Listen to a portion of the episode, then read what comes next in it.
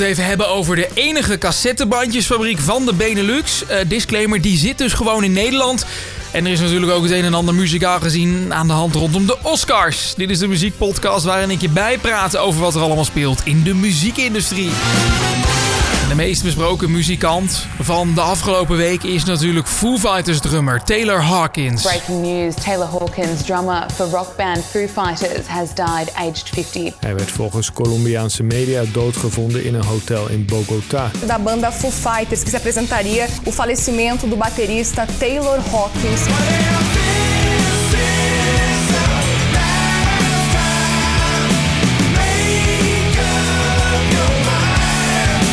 Komen natuurlijk eh, steeds meer details naar buiten over zijn dood. De avond voordat zijn lichaam werd gevonden in een hotelkamer, in Colombia dus, heeft hij bijvoorbeeld nog een audiobericht opgenomen op eh, WhatsApp. En daarin zegt hij goed voor zichzelf te zullen zorgen. Dat hebben Perry Farrell en zijn vrouwen bekendgemaakt. Ze waren goed bevriend met hem en Taylor die stuurde het audiobericht dus naar hun toe. Onderzoekers die eh, melden ondertussen ook dat er sporen van verschillende stoffen gevonden zijn in zijn bloed. Onder andere THC, dat is natuurlijk de werkzame stof in marihuana, pijnstillers en antidepressiva. Ja, of de aangetroffen middelen tot zijn dood hebben geleid, dat is nog niet bekendgemaakt. Wat we natuurlijk wel weten is dat er weer een grote muzikant is heen gegaan.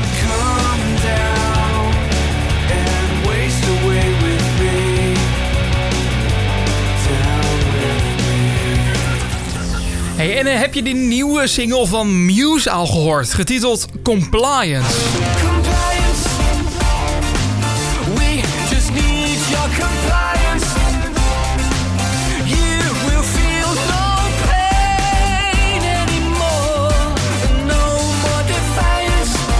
Wat een mega hit is dit. Compliance van Muse. En de band die hechten veel waarde aan de mening van hun fans. Zoals de meeste bands natuurlijk doen. Maar de smaak van de Muse-liefhebber die is wel vrij uitgesproken. Want... Uh, I've noticed that sometimes our weirdest stuff to this day is like the fans love it. You know I mean? Like tracks that are like eight minutes long and got bizarre like Rachmaninoff piano solos in them and stuff. And it's like to this, you know, we, you know, we try to move on, explore lots of different genres, but there's a, there's definitely a sect of our fan base that wants us just to stay uh, in 8-minute prog nightmares.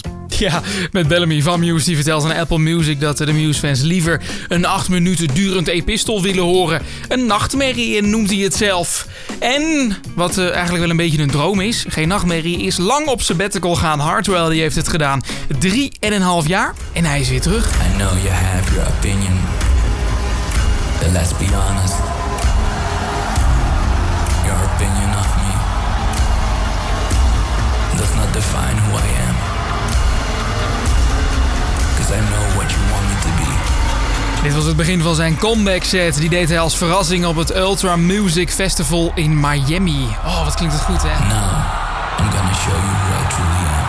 Hij gaat op een wereldtournee en komt met een nieuw album. Het album gaat eh, Hardware Rebels Never Die heten. Hij treedt eh, ook dit jaar op in meerdere grote steden wereldwijd. Maar je hoeft er niet ver voor te reizen. Want hij staat onder andere op 3 december in de Ziggo Dome in Amsterdam. Ook staan de concerten in onder meer New York, Hamburg, Madrid, Bangkok en Hongkong gepland.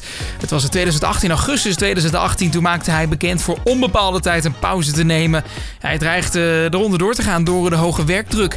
Zijn laatste optreden was tijdens het Amsterdam Dance Event in oktober van dat jaar. En toen beloofde hij dus al om terug te komen en hij is zijn woorden nagekomen.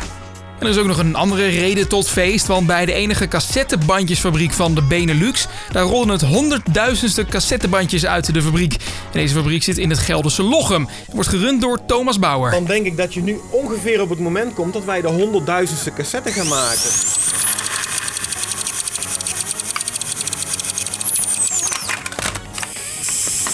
Een, mijlpaal. Ik weet nog dat ik hier de eerste maakte, dus uh, er is een hoop gebeurd sindsdien. En zijn klantenbestand loopt aardig uiteen van bijvoorbeeld... Een klein metalbandje uit de kelders van Antwerpen... dat zijn opnames op cassette wil, uh, wil, wil gedupliceerd zien. Maar ook uh, zolderkamerartiesten met van die elektronische soundscapes en dat soort dingen. Maar ook wel grotere acts hoor, zeker wel. En het is duidelijk, Thomas die houdt van nostalgie. Hij vergelijkt het cassettebandje graag met een oldtimer. Er zijn mensen die rijden prima in die mooie dikke elektrische Tesla. Maar er zijn ook mensen mensen die gaan op zaterdag lekker met een oude MG of met een oude kever toeren.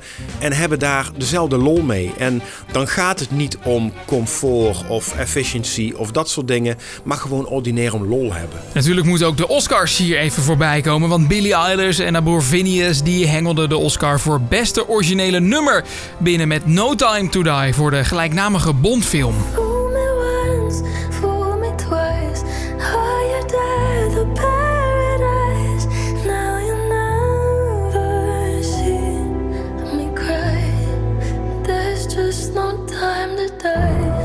Wat een film en wat een titelsong. Was eigenlijk natuurlijk wel een beetje te verwachten dat ze die Oscar zouden krijgen. Dit is ook zeker niet de eerste James Bond song die een Oscar won. Eh, En daarom was het maken, Very intimidated. zegt Billy op de rode loper. There was um, no uh, confusion at all about Bond and the music. It has been such a big part of our lives for so long that the fact that we are involved at all was unbelievable. Um, and the approach was very, very exhilarating and like peak life and also scary. We just wanted it to be perfect and, and represent Daniel Craig's last film and all of his films and how much you know he put into it and it just was the most amazing experience ever. En dit was hem dan, deze editie van de Muziekpodcast. We zijn er hopelijk volgende keer weer. Ja, dat hangt natuurlijk een klein beetje van jou af. Of jij hem eh, gaat maken met mij. Wie weet, lijkt mij heel erg leuk.